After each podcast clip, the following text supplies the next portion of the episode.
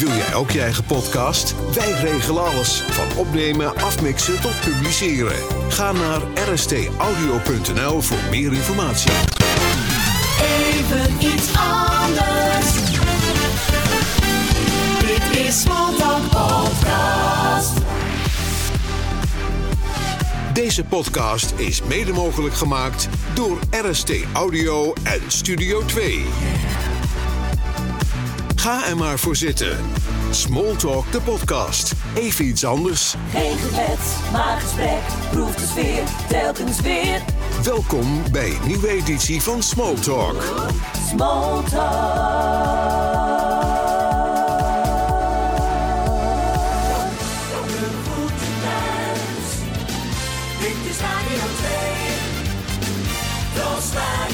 Tot 12 uur de Gouden Uren met Karel van Hey, Koten. krijg nou wat! Dan heb je verkoten! Ja, verkoten! Hé, hey, daar heb je verkoten! Ja. Verkoten van je! Hij komt daar eindelijk eens een pilsje drinken! Ja. Ah, goed jongen! Rustig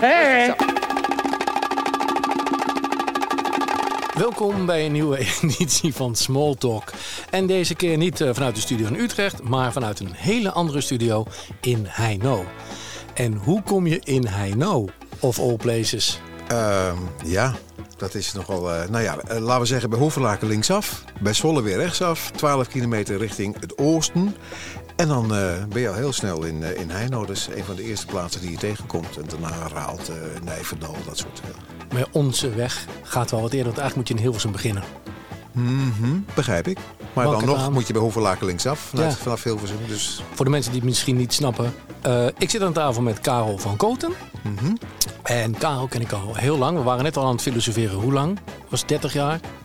ja, Zoiets? erbij. Ja, dan moesten we aan de hand van de geboortedata van kinderen... moesten we dat uit gaan rekenen. Maar ja, Ja. En eigenlijk leek het ons wel leuk om het te gaan hebben wat jij allemaal hebt meegemaakt. Eh, de meeste mensen zullen de naam Karel van Koten kennen van een andere van Koten. En daar heb je weer iets, dus ook een radioman. oh Willem. Willem van Koten. Willem van Koten, ja, maar dat is- Karel van Koten, Het is geen familie, want eh, mijn Van Koten schrijf je met een C. En eh, van Willem en ook van Kees van Koten, de acteur, schrijver eh, van Koten en de Bie, dat is met een K. Mijn Van Koten is met een C. Wij riepen vroeger, dat is de rijke tak, maar dat hebben we om moeten draaien tot de arme tak, want die anderen zijn rijker geworden dan ik. Dus kan er ook niks aan doen. En waar kennen de mensen jou van? Ehm, nou, ik denk van mijn stem. En dat is hoofdzakelijk eh, omdat ik bij de radio heb gewerkt. En eh, met name bij de Tros. En daar ben ik eh, ja, misbruikt als stem voor radio- en televisieprogramma's. Dus weet ik veel, spotjes voor Tros Kompas. wat komt er vanavond op tv? Er waren de tijden dat je nog een omroepster had. En die omroepster mocht op een gegeven moment eh, een bandje aankondigen waar ik dan op te horen was. En dan riep ik van eh, om, om half negen dit, om half tien Ivonie. Nou, dat soort eh, dingen. Daar, kennen, of daar kunnen mensen mij van kennen. En de gemiddelde huisvrouw kent jou van. Ehm, de programma's die ik gepresenteerd heb, dat, dat kan zijn de Gouden Uren, eh 50 poppen of een envelop, Ding ding. Nachtwacht. Maar goed, 50 poppen of een envelop was niet mijn programma. Dat heb ik eh, in mijn schoot geworpen gekregen, cadeau gekregen toen Tom Mulder de Tros ging verlaten. Ja. Maar oké, de meeste mensen. Als Ja, ik kunnen mij iemand, daarvan als, als ik kennen. iemand vraag. Om de gemiddelde vrouw, dan is het 50 pop of een envelop. Want dan kon je weer wat winnen. Karel van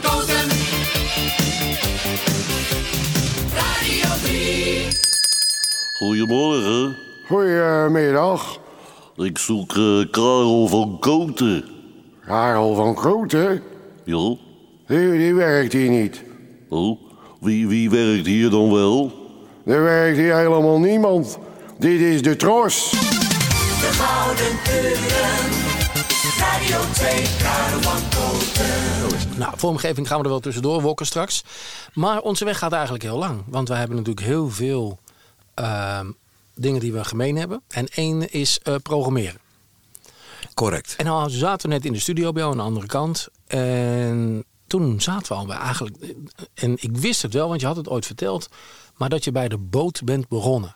Ja, ik heb eh, eh, qua school Atheneum eh, HTS gedaan. HTS eh, vond ik niet leuk.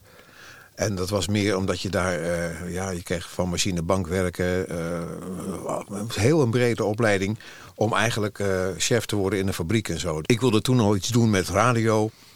En ja, dat ging niet met via de HTS. Dat had ik al. en dat wilde ik zenders bouwen, techniek, mengpanelen, dat soort dingetjes allemaal. Nou, ehm, in de, bij de HTS hadden we één ding, één vak wat ik erg leuk vond. En dat was computerkunde. En dat was nog wel in de kindertijd van de computer. Internet bestond eh, nog niet, dat werd 15 jaar later pas uitgevonden. De computer die, eh, die daar stond, die besloeg een heel klaslokaal.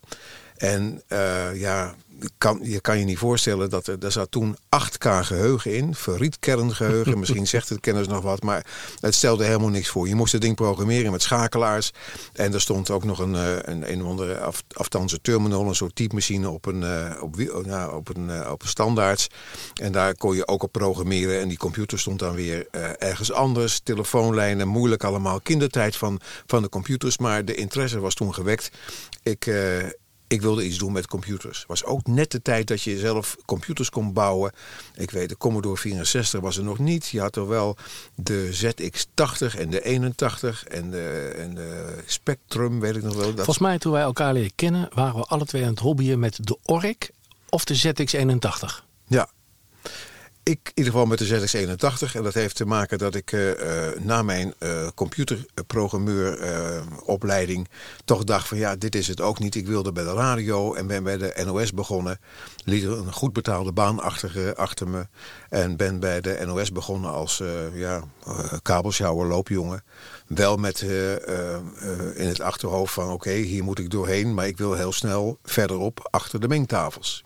Dat- hoe, hoe ben je zo snel... Of, hoe lang heeft dat geduurd? Vanaf eh, dat je bij de bent gaan varen... Of voor die... eh, wat was het ook weer? Welke maatschappij? Het was de, de Toorlijn, daar ging Oh, je vroeger mee naar Zweden. Je kon er ook mee naar Engeland. Maar de, eh, Zweden, dat was toen nog een, eh, een vakantieland in opkomst. Daar kon je met de boot eh, vanaf Amsterdam, achter het Telegraafgebouw, kon je daar opstappen. En dan ging je via het Noordzeekanaal, eh, nou ja, eh, je kent het Kattegat helemaal door. En dat was een, een bootreis van 24 uur. En daar kon je aan boord, had je entertainment. er waren collega's. zat je aan boord? Nee, Dus niet, jij- niet in het begin. In, ik was begin was ik gedetacheerd in, in Amsterdam in het hoofdkantoor. En daar was ik computer operator. Dan moet je voorstellen dat je dan eh, dingetjes krijgt als eh, eh, tickets uitprinten, eh, backupjes maken. nou ja, allemaal hand- en spandiensten om de computer. Maar nogmaals, het, het woord computer is misschien groter dan het is. Het was een gigantische machine en die kon eigenlijk drie keer niks als je het vergelijkt met de computers van tegenwoordig of portable telefoons. En dan besluit je uiteindelijk van oké, ik wil naar Hilversum. Eh, dus je gaat bij de NOS werken en je begint met eh kabels slepen en, eh, en dat soort dingen. Was dat radio of televisie? radio. Maar af en toe ook van die, van die gemeenschappelijke projecten met popconcerten met Tina Turner. die ook werden uitgezonden op tv. Maar dat deed de radio, deed daar de, ja, het geluid van. Ja, en hoe heb je de overgang gemaakt naar radiotechnicus? Dus waar je ook aan het schuiven bent programma? Nou, dat, dat was op zich een natuurlijke overgang. Eh waren het niet dat ik dat weer veel te snel wilde. Want ik geloof ik, eh, er stond gemiddeld eh, in je carrièrelijn stond dat je tien jaar assistent moest blijven. Dan mocht je een keer solliciteren voor technicus. Dan moest je een soort toelatingstoets moest je doen. En ehm, ja, dan mocht je daarna kreeg je weer binnendiensten. En ehm, dan, nou, uiteindelijk ging je dan weer naar buiten, ging je de grote dingen doen, maar daar ging je normaal twintig jaar overheen. En eh, ik heb dat in een jaar of drieënhalf gedaan. Ze- zeer tegen de zin van alle chefs en met, ook met, eh, eh, zeer tegen de zin van mijn collega's. Want ik, ik wilde geen kabels sjouwen, weet je wel. En ik wilde gewoon achter de eh, computer. Nou, wat erg, eh, ge- wat erg meegeholpen heeft, is dat mijn vriend Erik de Zwart die ik eh, nog langer ken dan, eh, dan eh, meneer Stolk hier aan de overkant. Die, die zat bij dezelfde ziekenomroep als ik. ja, in Amsterdam. In Amsterdam, de VU in Amsterdam. Erik ook als technicus. En Erik had de aspiratie om ook te gaan presenteren. Nou was dat een, een, een hele high-standing ziekenomroep. Erik mocht een stemtest doen, werd afgewezen, want Erik praatte te plat Amsterdams. Toen is Erik afgewezen en die is heel boos vertrokken. En die heeft zich twee, drie maanden opgesloten met een cassetterecordertje. eh, voor de mensen die eh, wat jonger zijn. Dat is een eh, soort bandrecordertje met een cassette. Daar kon je op opnemen, terugluisteren. Nou ja, wat je nu met de computer doet, of met je telefoon. Met, met die, hoe heet die app die geluid op kan nemen. Nou ja, Ja, Nou ja, je kan tegenwoordig over alles van alles uh, opnemen. Ik wou net zeggen, tegenwoordig je, kan je tv uh, kan, uh, kan opnemen. Nou, Erik de Zwart is op een gegeven moment is die, na drie maanden teruggekomen. Heeft opnieuw test gedaan en is, is geslaagd. En is toen gaan presenteren. Nou, Erik en ik hadden een goede klik. We hebben samen drive-in shows gedaan. Samen nog met, met een derde persoon, Ruud Hendricks. Die later ook disjockey zou worden bij, uh, meer Migo. En die nog later weer... Radiobaas? Nou ja, bij, bij, RTL ja. vrij hoog en ook op, weet ik veel, in, in, NBC Engeland. Nou, hoofd RTL-programma's en de Mol gewerkt, nou, bla bla bla. met met Ruud, Erik en ik deden drive-in shows en Ruud en ik... sorry, Erik en ik, die, ja, die klikten heel goed, zaten bij dezelfde ziekenomroep. Erik zei op een gegeven moment tegen mij... Ik en Ruud, dus niet Ruud en ik, maar ik en Ruud gaan naar uh, Mi Amigo. Heb jij zin om mee te gaan? En ik had toen net gesolliciteerd bij, uh, bij de NOS. Ik zei, ja, sorry, maar uh, ik heb een sollicitatieprocedure lopen. Ik kan even niet weg. Nou, Ruud en Erik gingen naar Mi Amigo. Ik solliciteerde bij de Tros, liet een, een, aardige baan en een hoger salaris achter voor een, ja, helemaal weer vanaf start af aan um, als loopjongen als kabelsjouwer. Heel gezellig allemaal, leuke tijden, uh, hele leuke collega's. Maar ik wilde achter die schuiven. En daar heeft Erik, want zo kom ik aan Erik, heeft me daar ontzettend bij geholpen. Want Erik zei van, uh, uh, jij kon heel goed jingletjes maken. En als ik, ik, moet ik ook nog zeggen, Erik had toen net gesolliciteerd bij Veronica, ook als loopjongen. En mocht van Lex Harding, de baas van Veronica toen, uh, we praten over de tijd dat Veronica net in het publieke bestel terecht was gekomen. Hij mocht van Lex Harding mocht hij de zolder op gaan ruimen en, en, en de jingletjes uit gaan zoeken en catalogiseren. Nou, dat was. Erik zei van, ik mag binnenkort dingetjes doen als de radiorebus voor Veronica. Daar kan ik jou wel bij gebruiken. Want het gaat het allemaal een stuk sneller. Wij begrijpen elkaar. Nou, ik had op een gegeven moment gesolliciteerd van jongens, ik wil wat uh, verder. Want dat uh, assistent technicus zijn, dat, uh, dat vind ik eigenlijk maar niks. toen moest ik een toelatingstoets doen die ze expres wat moeilijk hadden gemaakt.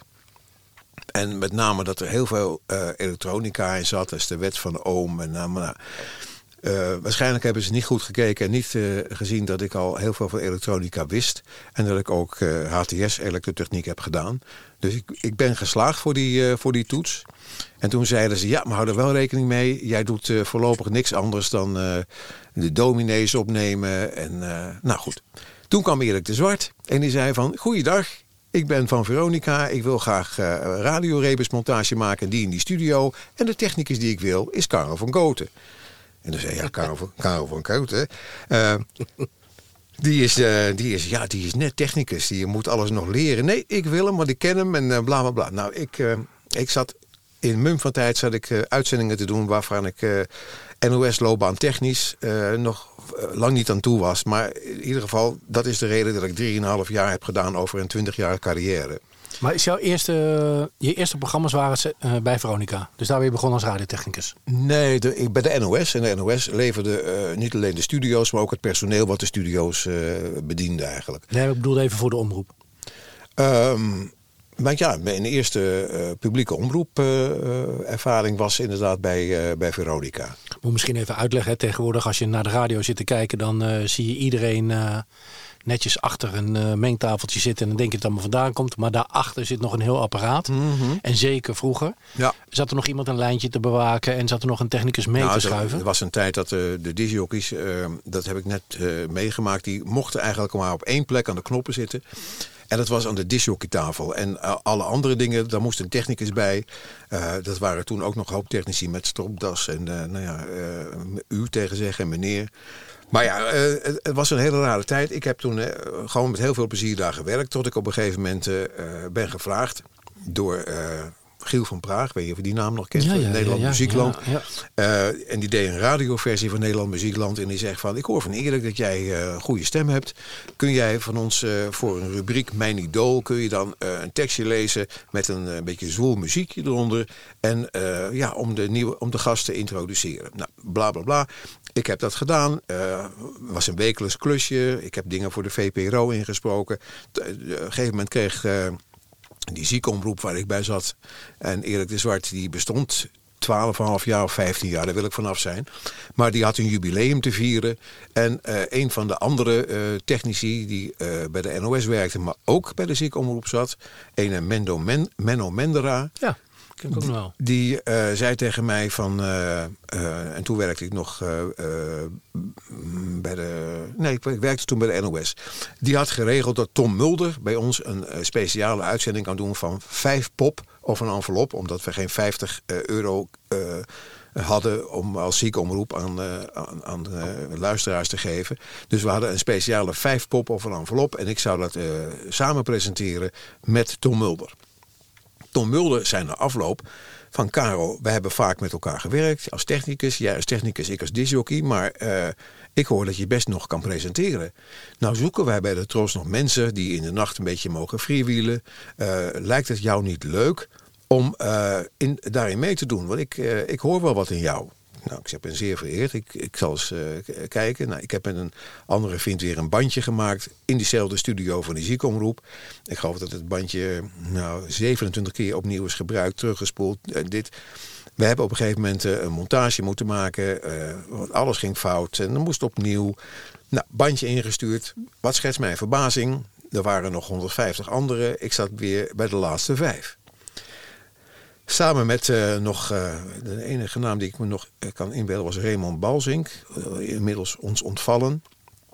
Ehm, en daar zat ik dan, weet ik veel, tussen eh, drie en, en, vier of tussen vier en vijf eh, in de nacht een, een eh, uitzending te doen. Wat ik op zich heel leuk vond. Je had op zich weinig luisteraars, maar de luisteraars die je had, die luisterden ook. Wat je zei, wat je met een spelletje deed, daar werd op gereageerd. Nou, overdag hebben mensen andere dingen te doen. Die hebben werk, die hebben kinderen van school te halen. Kortom, het is een zeer ehm, ja, aangenaam publiek wat s'nachts luistert. Hè? Roep je wat, roep je op, krijg je respons.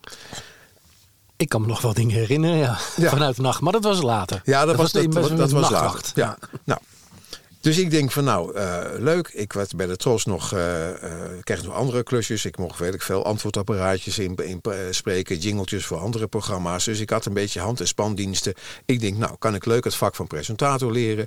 Totdat op een gegeven moment bij de Tros een soort leegloop plaatsvond. Dat was in de tijd dat je had al één commercieel radiostation, dat was Sky Radio.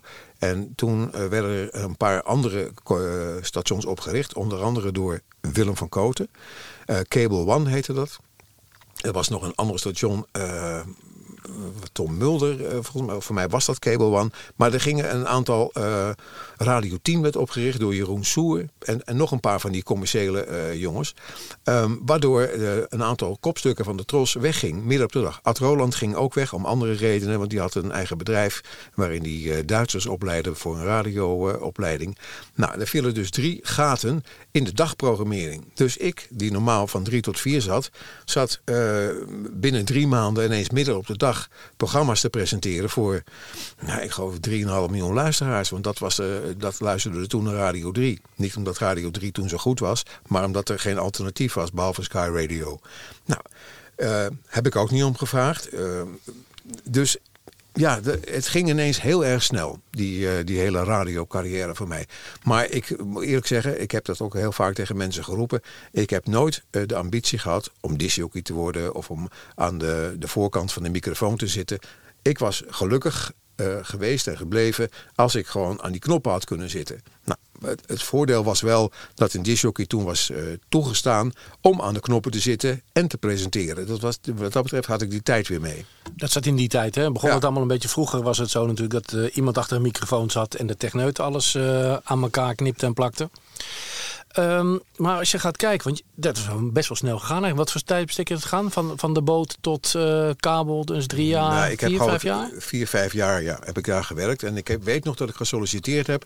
Op een maandagmorgen moest ik om, eh, om half negen moest ik me melden op het eh, NOS-terrein. Aan de Hilversumse weg, of de Larense weg geloof ik dat het heet. Nou ja, iedereen kent dat waarschijnlijk wel, dat hele grote terrein. Ehm, en nou was net de avond ervoor, op zondagnacht, zondagavond, was John Lennon eh, neergeschoten en overleden. Dus eh, een van de vragen tijdens mijn sollicitatiegesprek was eh, van, ach jij het waarschijnlijk dat de Beatles nog wel eens bij elkaar komen, Karel? Dus nee, dat acht Karel helemaal niet waarschijnlijk. Ik acht het zelfs zeer onwaarschijnlijk. Maar ja, goed, het was een test van, ben jij een techneut of lees je ook nog kranten? Heb je, ben je geïnteresseerd? En het was nog, had nog niet in de krant gestaan, want daar was het nog te vers voor. Dus het was eigenlijk van, volg je ook het nieuws? En eh, dat dus, oh, überhaupt had je tijdens dat sollicitatiegesprek. eh, maar daar was ik op voorbereid voor, eh, door mensen die al bij de NOS werkten. Van houd rekening mee. Ze zoeken eigenlijk mensen die niet al te technisch zijn. Want ze willen ook nog dat je gewoon kan communiceren met, met de omroepmedewerkers. Dus ze willen eigenlijk mensen met een zo breed mogelijk interesse. Dus je kreeg vragen van wanneer leefde Johansen of wanneer leefde Bach? En toen riep ik, voorbereid, bedoelt u Johann Sebastian Bach, Johann Christian Bach, Jo, weet ik veel, Jo- Jo- Johann Frederikszoon Bach. Dus nou ja, al die vragen eh, wist ik te pareren. Ja, serieus? Ja, om- omdat ik ze ook wist. Je kreeg, je kreeg vragen over een... eh, eh, er zit een konijn met een trommeltje midden op het grasveld. Jij zit 50 meter verderop van het konijn. Je hoort het konijn trommelen. Hoe weet jij uit welke richting dat trommelen komt?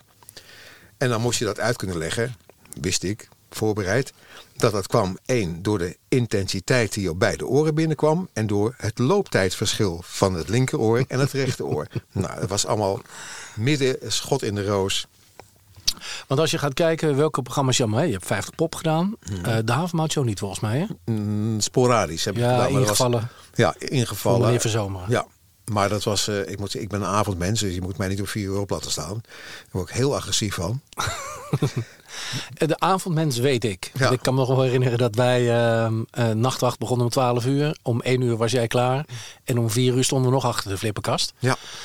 Ehm, wat, wat dat betreft is het ook niet meer zo. Hè? De, de- als je nu kijkt naar radio, we hadden straks nog even wat oude dingetjes eh, zitten luisteren. Dan is het nu allemaal zo technisch en geformateerd en Ja, het is, eh, het is business geworden. Ja. ja. Ik heb ook nog tijd nog meegemaakt dat je, ondanks de 3,5 miljoen luisteraars, gewoon kon doen wat je wilde. Je, had, eh, je mocht zelf je muziek uitzoeken. Nou, is niet meer, even voor de mensen die eh, er geen verstand van hebben. De computer zoekt tegenwoordig de muziek uit. Het is wetenschap geworden. En, en marketing en eh, ja, gewoon eh, ho- hogere wiskunde om een radioprogramma samen te stellen. En er zijn stations die dan eh, maar met 300 verschillende platen werken. Nou ja, ik moet er niet aan denken dat je eh, elke dag twee keer dezelfde nummers hoort, bij wijze van spreken. Dus eh, nou, ik, ik acht me gelukkig dat ik die mooie tijd nog meegemaakt heb. Überhaupt, ook met de NOS-tijd kwamen wij op pleinen. Als, de, als de radio kwam, ja, dat was wat. En tegenwoordig heeft elke, elke plaats heeft zijn eigen radioomroep met zijn eigen reportagewagen. En ja, je, het, het is geen unicum meer.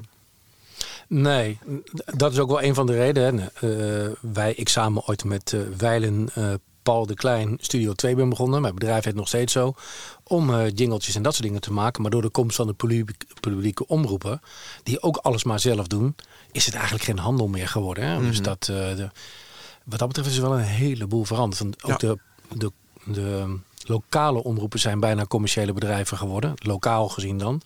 En is daar ook weinig vrijheid om eh, echt radio te maken. Vind je dat nog steeds zo? Vind je dat radio nu eh, een trucje is? Zijn er nog stations waarvan je denkt van hè, eh, Stenders die nu naar Veronica gaat, die staat toch bekend anders een beetje een vrijbuiter?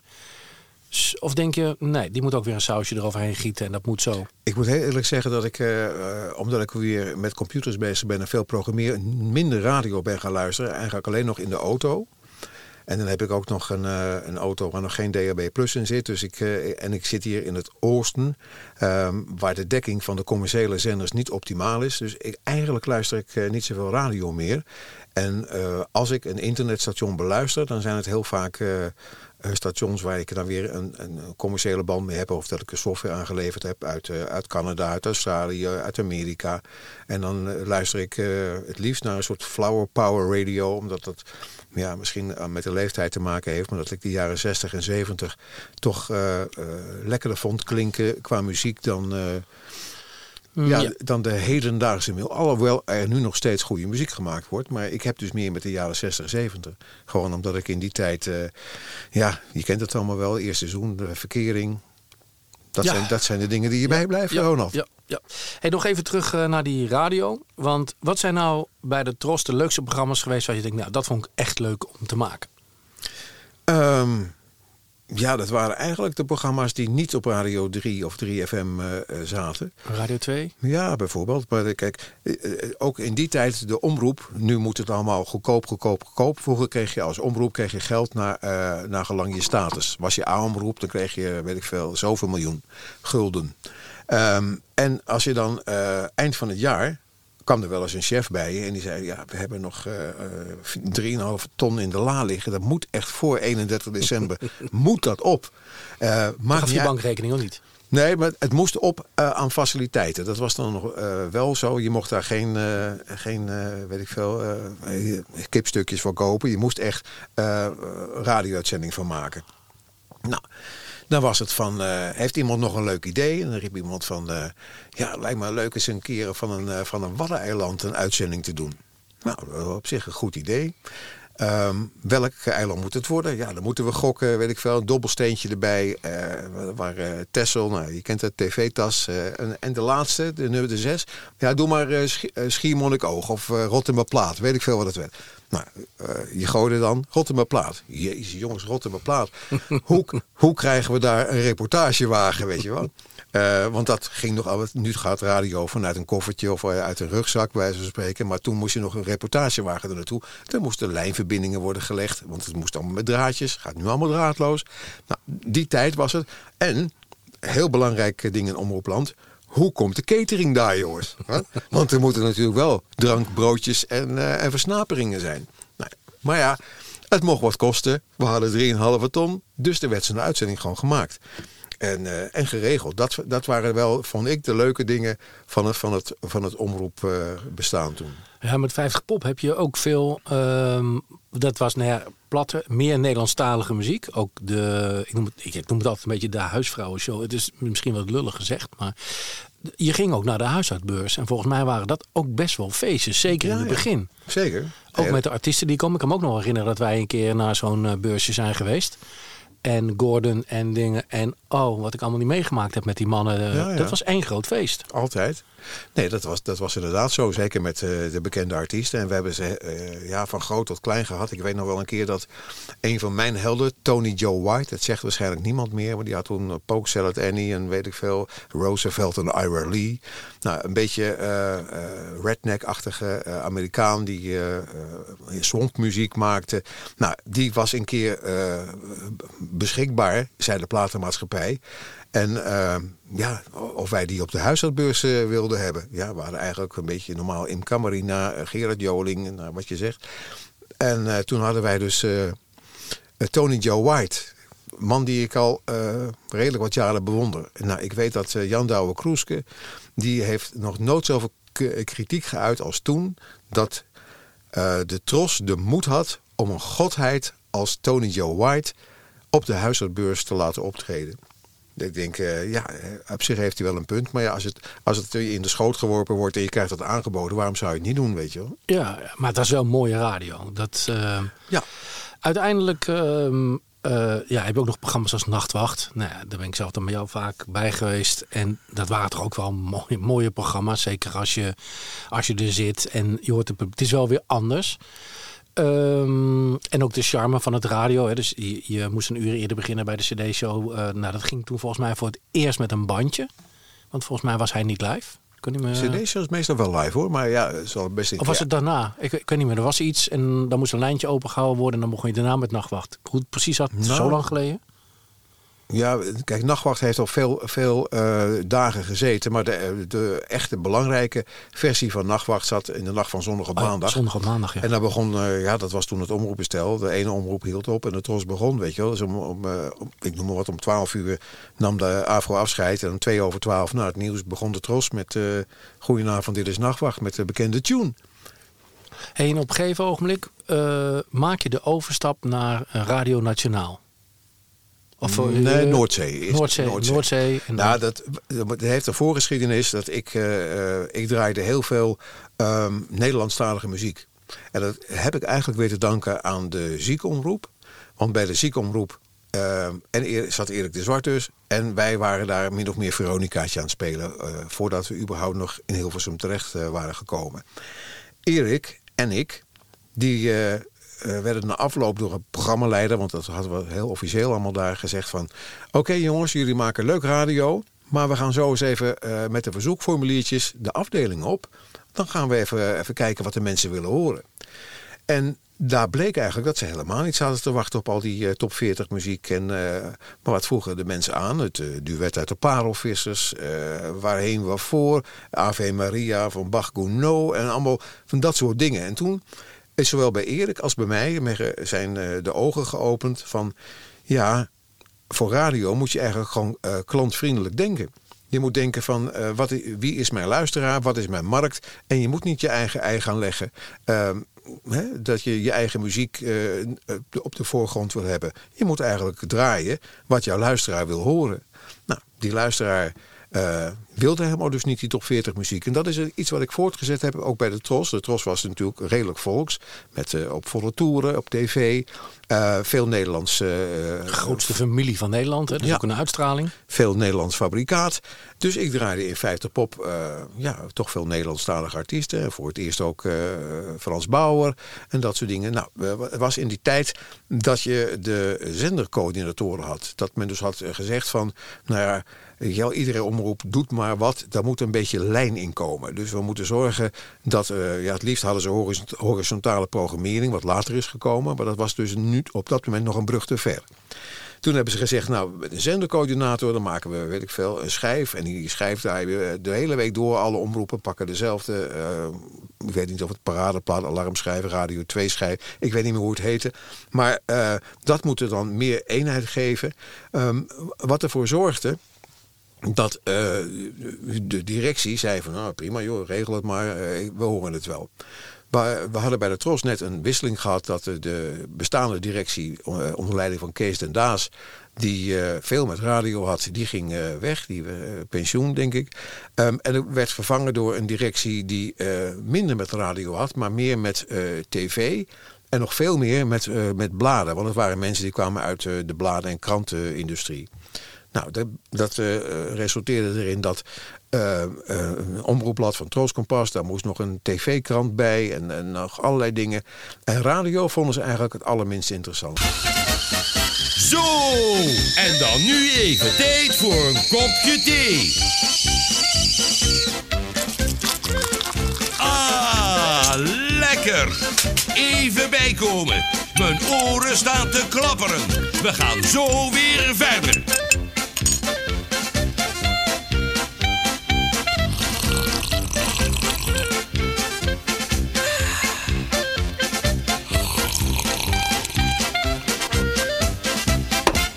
Oké, daar gaat hij weer. Wil jij ook je eigen podcast? Wij regelen alles. Van opnemen, afmixen tot publiceren. Ga naar rstaudio.nl voor meer informatie. RST Audio. En dan eh, komt het allemaal wel goed. Nou, eh, het toeval wil dat die zendercoördinator van Radio 2... ehm, helemaal niet gecharmeerd was van Nederlandstalige muziek. Eh, als het Nederlandstalig mocht zijn... dan mocht het zeker geen Imca Marina zijn of Frans Bauer. Dan moest het allemaal wel de Scene, Truckende Keks, eh, De Dijk... Nou, dat soort eh, muziek. En dat had ik eigenlijk wel gehoord, die, het betere Nederlandstalige lied. Dus ik bleef ijzeren heinig ehm, Frans Bauer draaien... maar niet gebackup door mijn eigen TROS-directie. Nou, op een gegeven moment kreeg ik het aanbod van, van eh, Noordzee, Radio Noordzee Nationaal, volgens mij heette het toen, ehm, om eh, daar te presenteren. En ik ben daar, eh, ja, ik, ik, ik heb een paar gesprekken gehad, leek me allemaal wel wat. En ik ben toen overgestapt van Radio 2 en de Tros naar eh, Noordzee. Je hoort thuis bij Radio Noordzee Nationaal. Radio Noordzee Nationaal. De grootste hits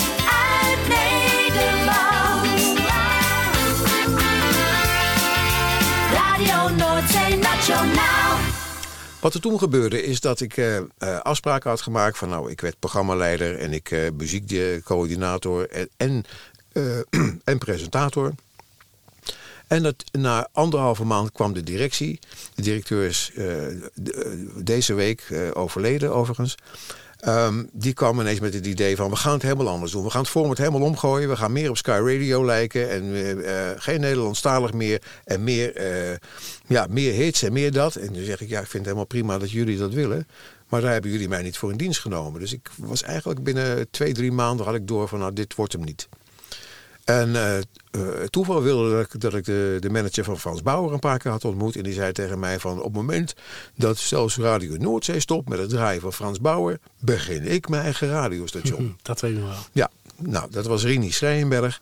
En ik heb Rini een keer gebeld van Rini, ik heb eh, slecht nieuws voor je. Want Noordzee Nationaal gaat stoppen met het draaien van Frans Bauer en andere nationaal producten. Dus je hebt toen een keer gezegd van, dan begin ik mijn eigen radiostation. Was dat grootspraak of meen je dat? Nee, dat meende ik wel. Zei, nou, dan moeten wij eens eh, heel snel met elkaar gaan praten. Nou, hebben we gedaan. Ehm, had wilde ideeën van wie er allemaal bij moesten. En dan- het mocht allemaal, eh, mocht allemaal wat kosten. Er werd geld eh, vrijgemaakt. Ehm Ron Brandstede moest erbij. André van Duin moest erbij. We moesten een, een gigantisch villa-pand in, midden in Ja, ik Hilversum. kan me herinneren op de laag naar de weg. Zo. Ja, op de... Of hoe zat het? Ja, de naam is weer even ontschoten. Is de, de, de leeftijd. Schavenlandse weg. Oh ja. Ehm, ehm, gigantisch pand, vlaggen voor de deur. Er werd een reportagewagen overgekocht van de NOS. Weet ik veel. Eh, alles, eh, zelfs de kopjes, alles moest nationaal zijn. Terwijl eh, ik zoiets had van, nou laten we eerst nou eens een keer rustig beginnen in een, in een klein loodsje op een industrieterrein. Kijken of het, eh, of het wat wordt. Nou, het grote probleem was natuurlijk dat je geen zenders had. Had hij hier een deal gemaakt met de directie van Noordzee. Dat hij het kabelnet van Hollands Glory, een, een B-zender van, van Noordzee, over kon nemen. Eind, eh, lang verhaal kort. Het is, eh, we hebben een hele leuke tijd gehad. Het was een soort jongensboek, zeker in het begin. Bart van Leeuwen erbij, nog een paar mensen van Noordzee weggehaald. Ehm, ja, eh, echt hele gekke dingen meegemaakt. Het was een goede club. Het was een hele goede club. Maar het heeft niet gehaald. Nee. En het, eh naar Franten was dat we op een gegeven moment ook nog een, een, een F, eh, middengolfzendertje over wisten te nemen. Ergens in, eh, in de Achterhoek van de Achterhoek Mediagroep. We hadden een zender in Limburg. Maar allemaal zendertjes met, ja, ik denk dat een koelkast meer stroom trekt, weet je wel. Ehm, maar we hadden ondanks slechte zendertjes, een kabelnetje wat redelijk eh, dekking had, hadden we een luisterdichtheid van eh 2,7 procent. En dan moet je tegen afzetten dat Sky Radio toen rond de 7, 8 procent zat. Dus eh, zonder reclame, zonder marketing, zonder eh, ja, veel rugbaarheid. Ehm, we hadden wel wat rugbaarheid eh, in de pijplijn zitten, maar dat is ook jammerlijk eh, mislukt omdat in die tijd dat wij zouden beginnen, dat was op bevrijdingsdag in, in het jaar 2000, een paar dagen eh, daarvoor overleed Tone Hermans. Dus de kranten stonden vol eh, over de dood van Tone Hermans. Niemand die het meer had over het begin en de start van Radio Nationaal. Nou, wat tegenslag gehad.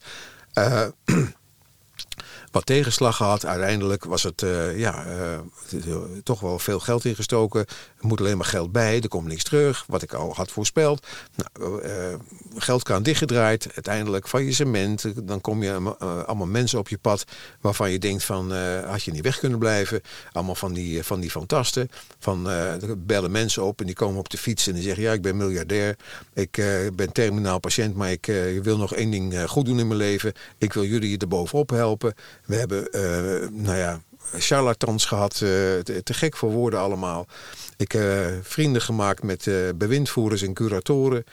Ehm, ja, en jammer genoeg, op, eh, op een gegeven moment moet je eh, personeel ontslaan en zelf het licht uitdoen. Dat is heel vervelend.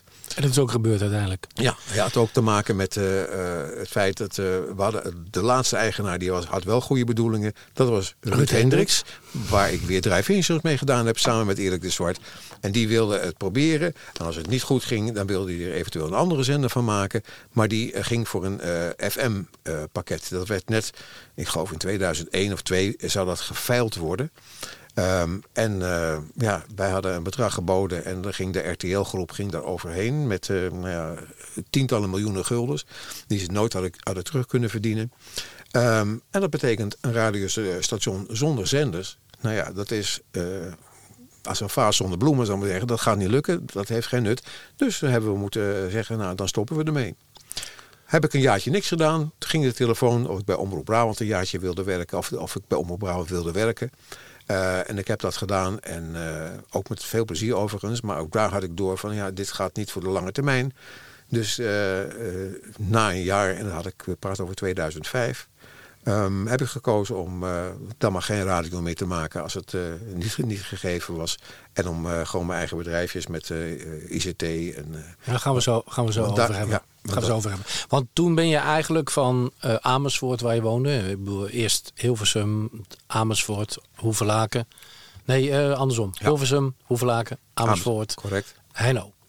En ik denk, die stap heb je gemaakt, denk ik, toen je gestopt bent met radio. Ja, want toen, dan moet ik zeggen dat eh, mijn vrouw Jolanda en ik altijd al een wens hadden gehad om een beetje buitenaf te wonen. Het liefst met eh allemaal dieren. eh. Het is gelukt. Het is gelukt. Ja, je ziet Ja, ik moest lang rijden en heel veel telefoontjes doen om hier te komen. langs de varkens gelopen en Ja, paarden. ja, ja, ja. Maar Erbe Wenneman zag ik nog ergens ronddobbelen. die loopt hier door de bossen, loopt te trainen hier.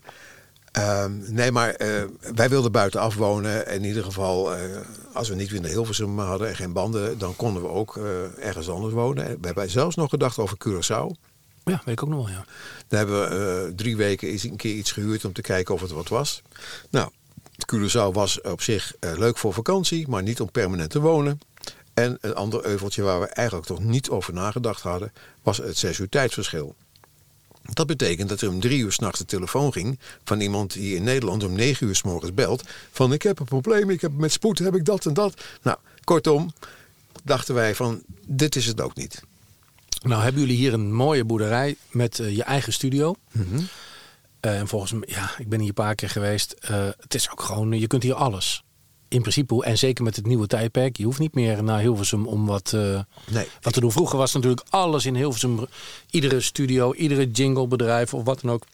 Zat daar in de buurt, omdat je bij wijze van spreken nog met bandjes en cd'tjes of minidiscjes, dat we allemaal niet meegemaakt hebben, naar Hilversum of naar het Ja. Mediapark moest lopen. Nou ja, bij, bij de Tros ging, eh, hadden ze een speciale courier, eh, courier in dienst. Die met videobanden en eh, dingen heen en weer reed tot, tussen Hilversum en het World Trade Center in Amsterdam. Daar kwam de Tros Actua in bedrijf, of weet ik veel, kwam, er- kwam daar vandaan. Zelfs Tros Actua. Dus ja, het- we hadden toen wel nog satellietschotels, maar dat was helemaal niet te betalen. Het was goedkoper om iemand gewoon met bandjes heen en weer te laten rijden. Tegenwoordig, eh, we hebben hier zelfs op, op platteland glasvezel. Ehm, ja, ik heb hier interviews gedaan live op Radio 1 met, met een, een codec heet dat. Maar dat was nog in de ISDN-tijd. En tegenwoordig gaat het gewoon met de ene PC, praat met de andere. En nou, ik hoef jou niet te vertellen, ik heb, we hebben hier een kastje op, op, het, op de tafel staan. Met allemaal mooie rode groene lampjes. Dat is een, eh, een kastje van, eh, nou ja, ik, de prijs is in ieder geval lager dan 1000 euro. En het is een complete radiostudio, weet je, Je wel. kan hier alles mee. Ja. Dit is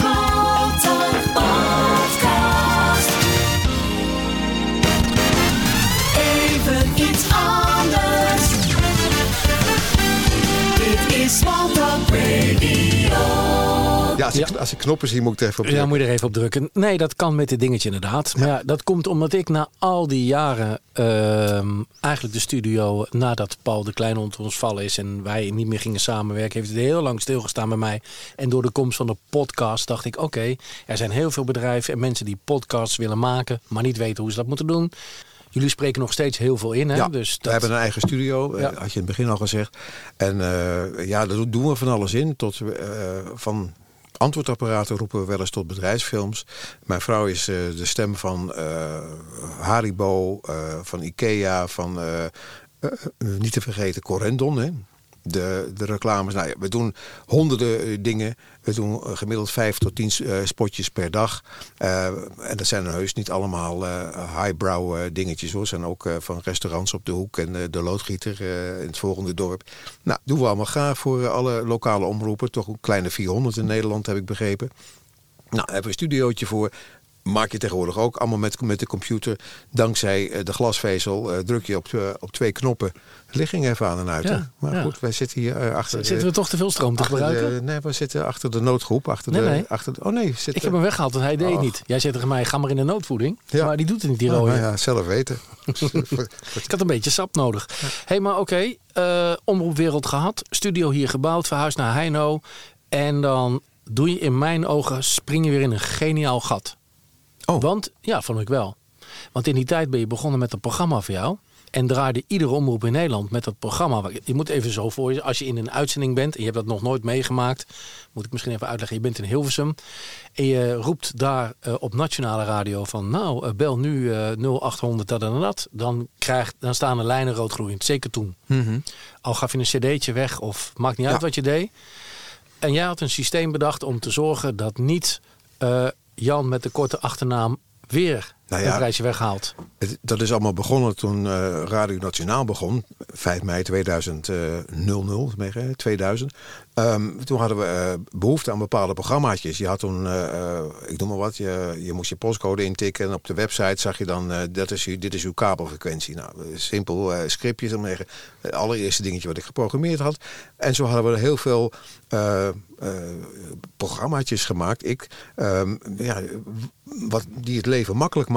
Bijvoorbeeld, eh, eh, als je belde, dan had je een soort nummerherkenning. Die zocht snel in een database op van... hebben we deze persoon al eerder aan de telefoon gehad? hey, ja. Wat heeft hij gewonnen? Ehm, dus wij wilden niet dat iemand eh, via de kleuren-tv in de week ging winnen. Maar dat die prijzen een beetje, een beetje leuk evenredig over de luisteraars werden verdeeld. Want ja, als alles bij één luisteraar terechtkomt... en die, die luisteraars had je... Die, die hadden al vier tv's. eh, Ik kan vijf- me één naam niet meer herinneren. Maar ik weet dat we toen zo'n standaard naam hadden. Die man belde alle omroepen af. Ja. Nou ja, je hebt mensen die, die, die daar eh, nou ja, niet alleen een sport, maar een soort eh, inkomsten eh, uit hebben gegenereerd. Maar goed, die software hadden we gemaakt. Dan zaten we midden in Hilversum en er kwamen collega's van 538, al die omroepen, die kwamen regelmatig bij ons een bakje doen. Dat was zo gezellig en was er zo'n zo'n losgeslagen bende bij ons. En die zeiden van, hè, er kwam iemand van Veronica langs of van 538. Die zei, goh, wat een leuke software. Hoe werkt dat dan? Kunnen wij dat ook krijgen?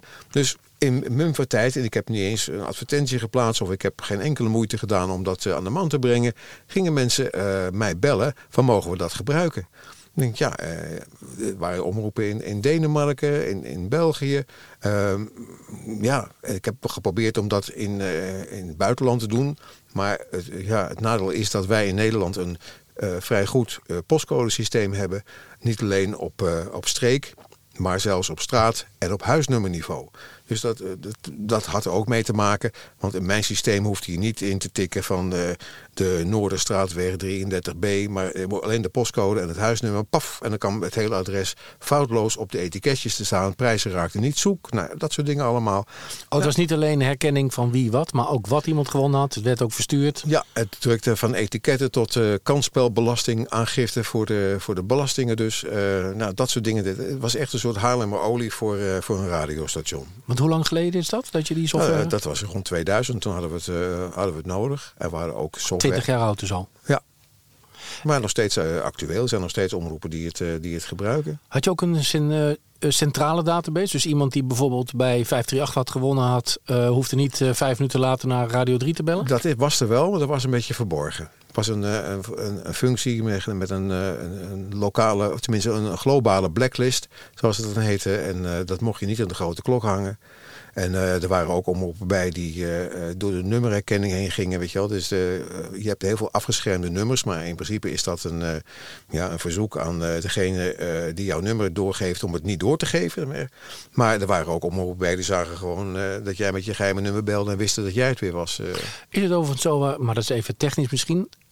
als iemand zijn telefoon uitzette en met een onbekend nummer belde... kon jij nog steeds zien wie het was? Of ging dat ook op naam? Nou, dat zeg ik net. Bij de ene omroep wel, bij- maar bij de meeste niet hoor. Dat was, eh, waarschijnlijk had iemand bij eh, een ander station het vergeten eh, het vlaggetje aan of uit te zetten, schakelaartje. Maar ja, dan vallen mensen door de mand eh, op andere criteria, zoals de postcode, weet je wel. Nou, dan kan je nog eens een keer een postcode naar je moeder laten sturen. Maar op een gegeven moment houdt het aantal adressen op en dan val je alsnog door de mand. Hey, en die, ehm, die software die je gemaakt hebt, nou, die dan nog steeds actueel. Is dat het enige wat je gemaakt hebt? Of heb je nog meer software gemaakt voor eh, broadcast-achtige bedrijven? Ja, ik, ik heb zoveel dingen gemaakt. Ik, eh, eh, je moet ook weten dat een omroep, een radiostation verplicht is om als er uitgezonden materiaal vier- 24 uur per dag 7, eh, nee, 14 dagen te bewaren. Nou, dat ging vroeger op videobanden, op hele lage snelheid, op van die banden die, die je vroeger bij Schiphol zag. Weet je wel? Die, die konden een dag lang konden ze een geluid opnemen van naar spraak. Nou, dat was qua kwaliteit helemaal. en toen dacht ik van ja, jongens, dit, dit moet beter kunnen. We hebben tegenwoordig MP3. Dus ik heb een programmaatje toen gemaakt wat de uitzending opnam in MP3. En ik, nou doen we meteen in stereo, want de harde schijven werden toen al goedkoper en groter. En uh, in blokken van een uur. Dus al die blokken werden dan bewaard. En als de schijf vol was, dan gooide hij de oude blok het eerste weg. Nou ja, dat programmaatje draait bij uh, aardig wat omroepen. Oké, en die, dat moet nog steeds? Moet nog steeds alle data... Uh, ja, ja. tenminste, de, ik weet niet of de landen, landen zijn die uh, uitgesloten zijn, maar ik heb begrepen dat het in Australië moet, in Amerika, in Canada, uh, in alle landen van, van Europa moet je je uitzendmateriaal. Ja, je hoeft het niet te stallen. Je moet het op aanvraag moet je het kunnen leveren. Dus okay. als iemand een klacht krijgt van ik, ik, ik hoor dat dat en dat station dat iemand de reclameregels heeft overtreden, dan krijgt iemand een, van het, in Nederland het commissariaat van de media krijgt een, een, een, een telefoontje of een uh, e-mailtje van uh, zou je ons van de maandag de 23e tussen 12 en 5 even de programma's aan willen leveren. Nou, dat waren in dit geval dan vijf mb3'tjes. Heb je nooit het idee gehad om, we hadden het daar straks heel even over, om een, uh, Dalet is natuurlijk een programma wat uh, door heel veel omroepen wordt gebruikt voor die radio automation. Daar hadden het er al eerder over. Plaatjes worden allemaal bij elkaar gezocht door computers en algoritmes. En ik vind ze ook nog steeds raar hoor, want als je Sky Radio aanzet hoor je toch met enige regelmaat dezelfde dingen en in dezelfde volgorde. En niet, niet alleen in de kersttijd. Nee. Maar toch gebeurt het. Mhm. Uh, nou kun je natuurlijk ook al heel veel public domein software kopen die dat doet. Maar heb je nooit op het idee gekomen of dat je zelf dacht... ik ga zoiets dergelijks maken? Want ik bedoel, ik ben wel onder de indruk van die software voor jou. Om, omdat jij... Ik vind namelijk... Nog wat het mooie, nee, nee, nou, het mooie van jou vind ik dat een radiomens, wat je Mhm. gewoon bent... Uh, software maakt voor de radio. Mhm. De, uh, de, meeste mensen die, Nou ja, die was- mij een beetje volgen weten... ik maak software met Robert Slippers voor de sport. Maar wij Mhm. komen buiten... Wij zijn alle twee ehm, in de sport actief geweest op uh, coachniveau. Ja, ik heb hier nog staan, hieronder. Dus daarom maken wij ook software die werkt. Of in ieder geval Nou ja. die met een gedachte is gemaakt vanuit ons vak en ons passie. Nou, dat was bij mij niet anders natuurlijk. Maar ik had het ook zelf voor mijn eigen station nodig. En voor mij, ik ben er overigens begonnen. Toen eh, ik als disjockey bij de Tros eh, ging werken. eh, en dan krijg je elke week, krijg, kreeg je een zakje met de nieuwste platen. En dan werd je eh, De ook... pluggersmeeting. Ja, de pluggersmeeting. En dan kreeg je, behalve de nieuwe platen, kwamen er ook wel eens... nou ja, dat was net de overgang van LP naar CD. Kreeg je alles wat op LP kwam, kwam ook langzamerhand uit op CD. Dus dan kreeg je weer, eh, behalve de nieuwe platen die week, kreeg je er een, eh, een tasje bij met alle Beatles eh, op CD, weet je, dat soort dingen. Maar ja, eh, nou is de Beatles wel makkelijk terug te vinden, maar het grootste probleem was verzamel-CD's. De, dus het eerste wat ik deed is kijken, toen had je al dingen voor databases en. Maar, maar dat had ik dus zelf nodig. Ik had een programma nodig wa- waar ik mijn plaatjes terug kon vinden. Als ik een verzoekplaat had van iemand, eh, dan moest ik in eh, kunnen tikken zangeres zonder naam eh, Costa del Sol. En dan kreeg ik, toen ik het programmaatje af had, kreeg ik, die staat op CD 201, track 4, CD 817, track 2, nou dat soort dingen. En dan moet je ze natuurlijk wel op nummer in de kast hebben staan. ik heb dat programma nog volgens mij. Ja, kan. Was, was toen niet beveiligd, dat is eerlijk.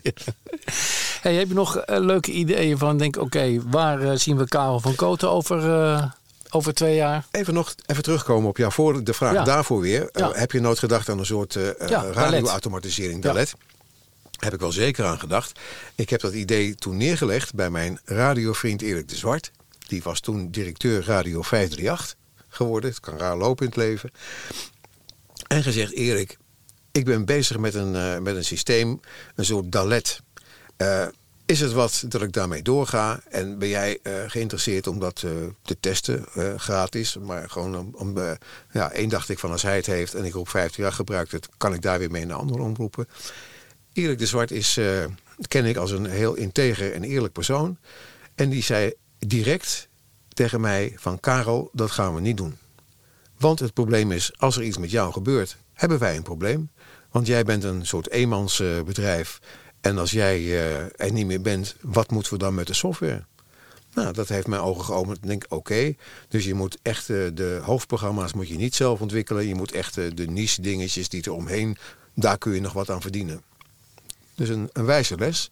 En, Nou ja, met- of, met- je, of je had gezegd, ik ga een ontwikkelteam erin zetten. had, ja, En dan ga ik het alsnog maken. Ja. Omdat ik toch vind dat er ook in de broadcastwereld te veel software is. Waar het gewoon niet gemaakt is door mensen die verstand hebben van Nee, radio. Dat, maar dat is het grootste probleem altijd. Ik heb ook eh, programma's dat ik denk van eh, hoe is het in godsnaam mogelijk dat iemand dit gemaakt heeft. En dan kan ik het beter maken en denk ik ja, moet ik het doen? Want je hebt dan eigenlijk, eh, als het te groot is, moet je personeel in dienst nemen. Nou, ik heb een, eh, een vriend eh, en die zei, niet dat hij niet meer leeft, maar hij zegt het niet meer.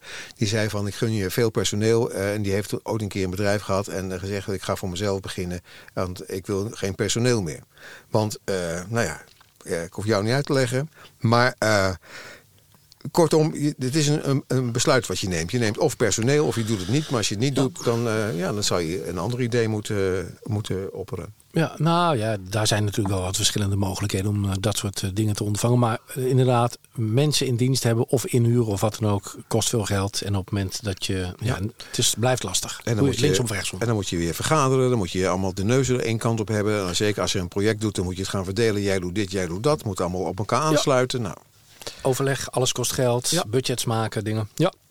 hey, eh, ik vond het leuk. oké. We gaan afsluiten, begrijp ik. Of we zijn, ja, we zijn ja, al aan ja, het ja, eind. ik heb een klokkie en eh, ik heb wel geleerd dat normaal gesproken moet het 30 minuten zijn, wil het een beetje interessant zijn. Oh, maar er dus gaat nog wel wat uit, mag ik hopen. Ja, eh, nou, niet zo heel veel, denk ik. Je hebt een mooi lang verhaal. Ja, we- het ontstond natuurlijk even terwijl we eh, het gaan hebben over onze gezamenlijke Ja. passie. Moet ik nog even vertellen ik jou tegen ben gekomen, of niet? Ja, dat mag. Nou, dat was bij eh, Jap Jum. Dat was, nee, grap.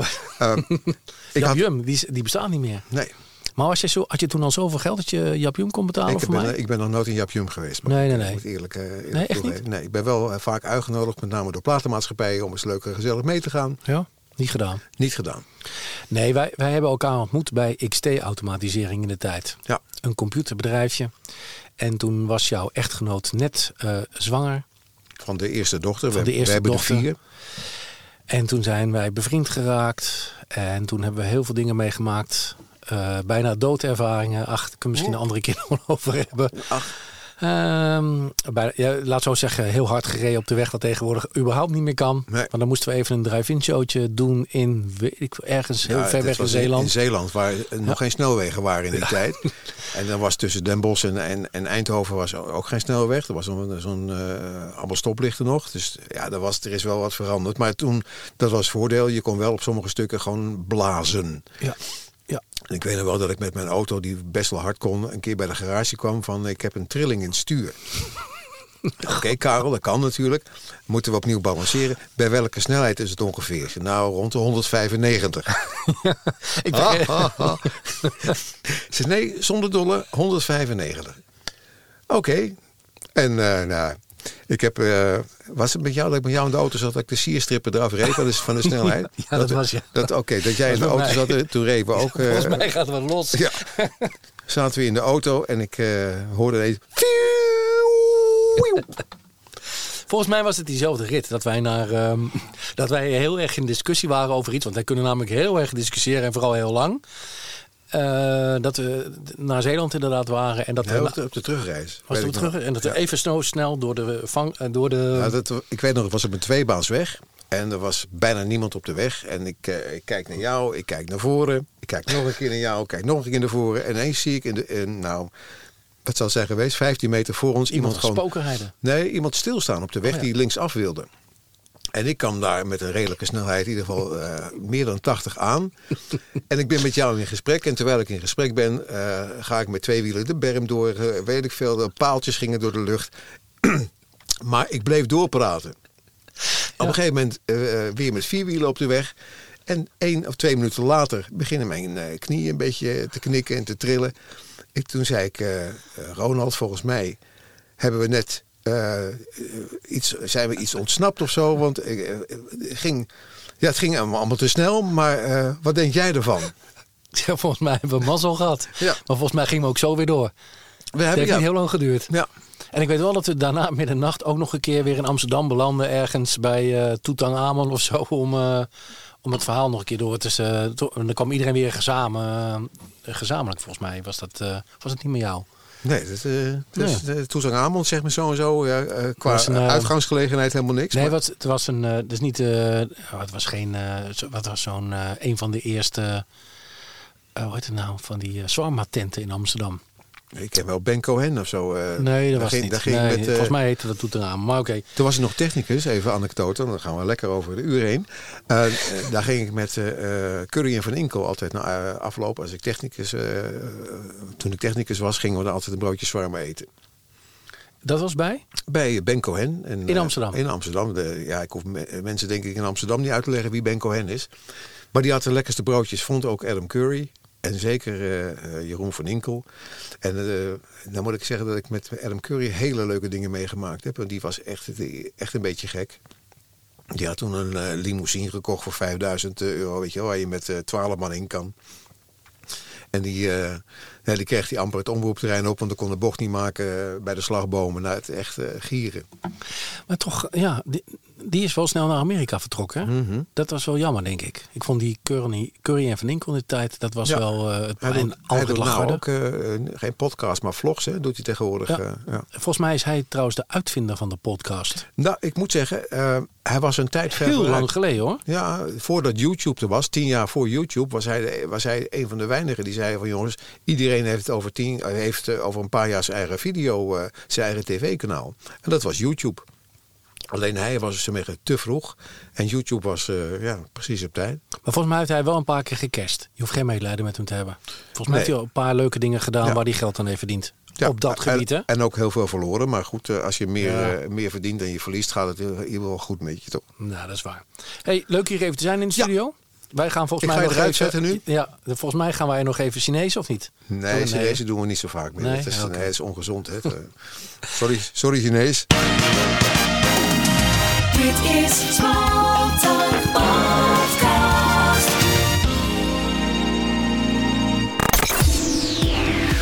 Heb jij een vraag of onderwerp voor Smalltalk? Mail naar podcast@smalltalkradio.nl. Deze podcast is mede mogelijk gemaakt door RST Audio en Studio 2. Geen gebed, maar gesprek, proef de sfeer, telkens weer. Smalltalk de podcast. Even iets anders. Smalltalk.